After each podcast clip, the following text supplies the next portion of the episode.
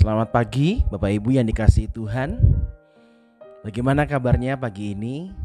Saya yakin Bapak Ibu pasti ada dalam perlindungan dan berkat Tuhan. Dan saat ini kita akan memulai doa pagi kita. Namun sebelumnya mari kita datang kepada Tuhan dengan sebuah pujian. Dan mari kita bersama-sama menaikkan pujian ini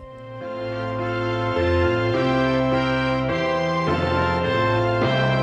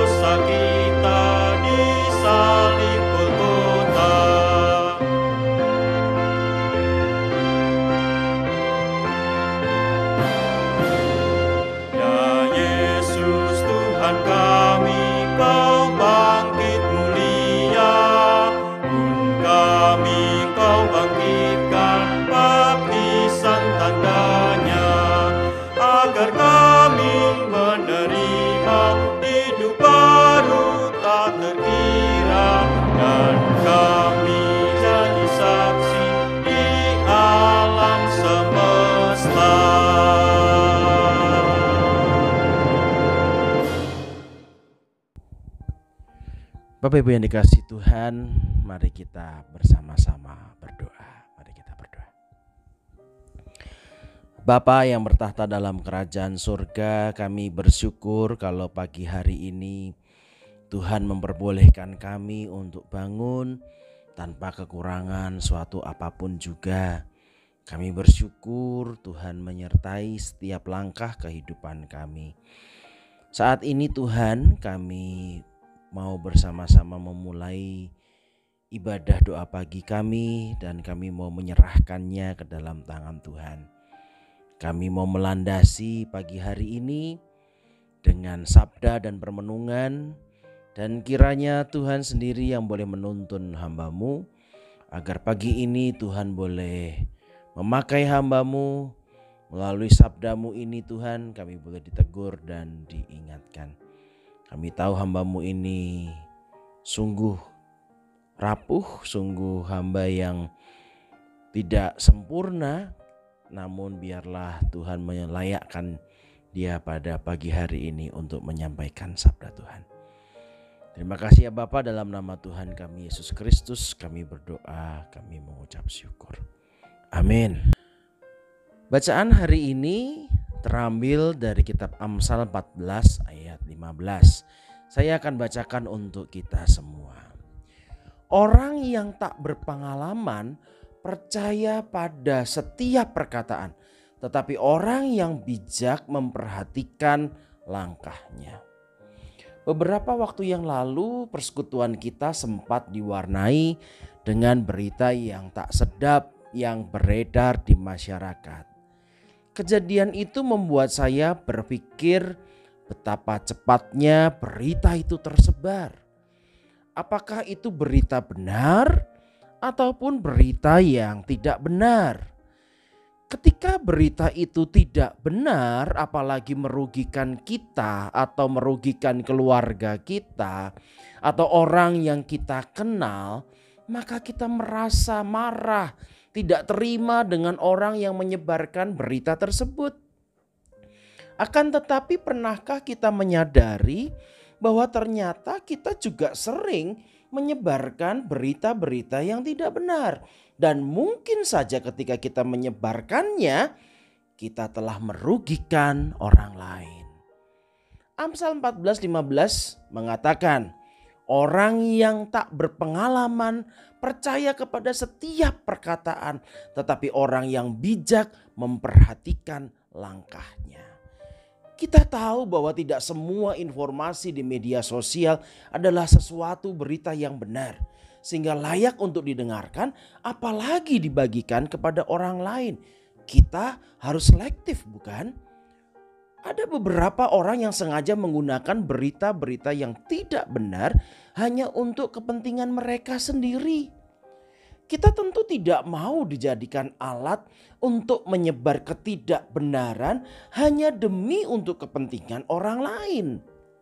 Oleh karena itu, ketika kita membaca berita di media sosial dan ingin membagikannya, tentu haruslah berdasarkan pada fakta dan kebenaran, bukan atas rasa suka atau tidak suka pada berita tersebut. Tuhan telah memberi kita semua yang kita perlukan untuk menjadi bijak dan berhikmat, apalagi di tengah-tengah situasi pandemi seperti ini. Sebagai pengikut Yesus, kita punya Roh Kudus yang bisa memberi kita hikmat supaya kita memiliki akal yang sehat. Itulah karunia dari Tuhan, akal sehat. Dan sekaranglah waktu yang tepat untuk menggunakan akal sehat dan kewaspadaan kita. Ingat, orang yang tak berpengalaman percaya kepada semua perkataan, tetapi orang yang bijak memperhatikan langkahnya. Mari kita renungkan hal ini. Bagaimana selama ini kita mencari tahu kebenaran informasi yang kita temukan di media sosial sebelum membagikannya kepada orang lain.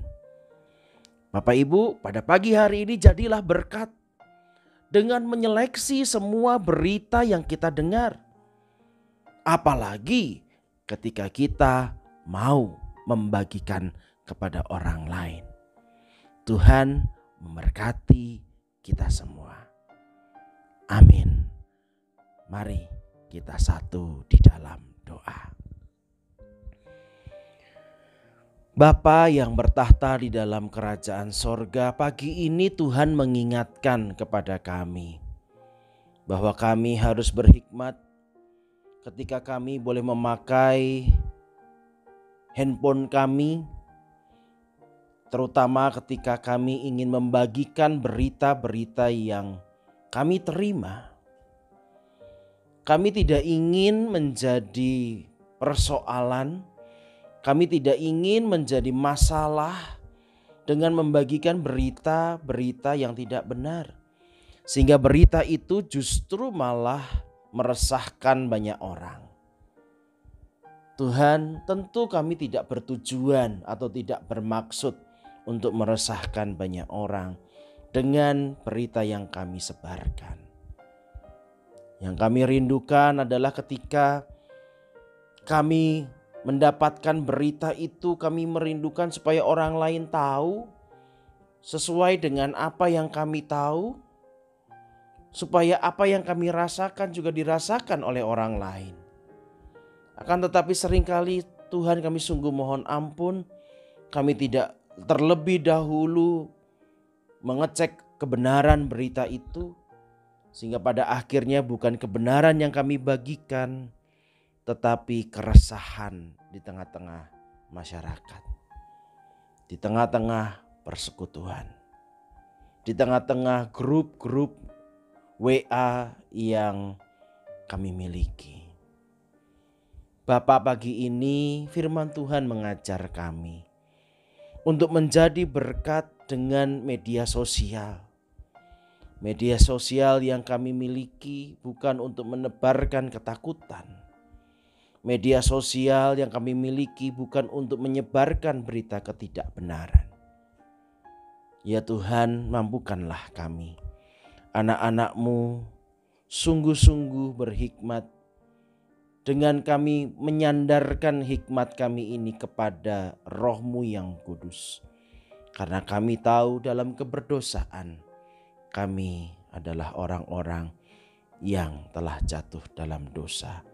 Pikiran kami pikiran yang jahat dan kami tidak berhikmat. Ya Tuhan pada hari ini kami juga teringat akan sahabat-sahabat kami yang pada saat ini mungkin harus bergumul dengan perekonomian mereka di tengah-tengah situasi pandemi ini. Kami berdoa Tuhan kiranya Tuhan sendiri menguatkan dan Tuhan sendiri yang mem memampukan apa yang menjadi pergumulan mereka Tuhan berikan jalan keluar. Berikan berkat demi berkat ya Tuhan supaya mereka juga boleh tercukupi. Saat ini Tuhan kami juga mau berdoa untuk jemaat Tuhan yang sakit. Kami mau berdoa Tuhan untuk rekan-rekan kami yang mungkin kami tidak tahu sedang ada dalam keadaan duka atau susah.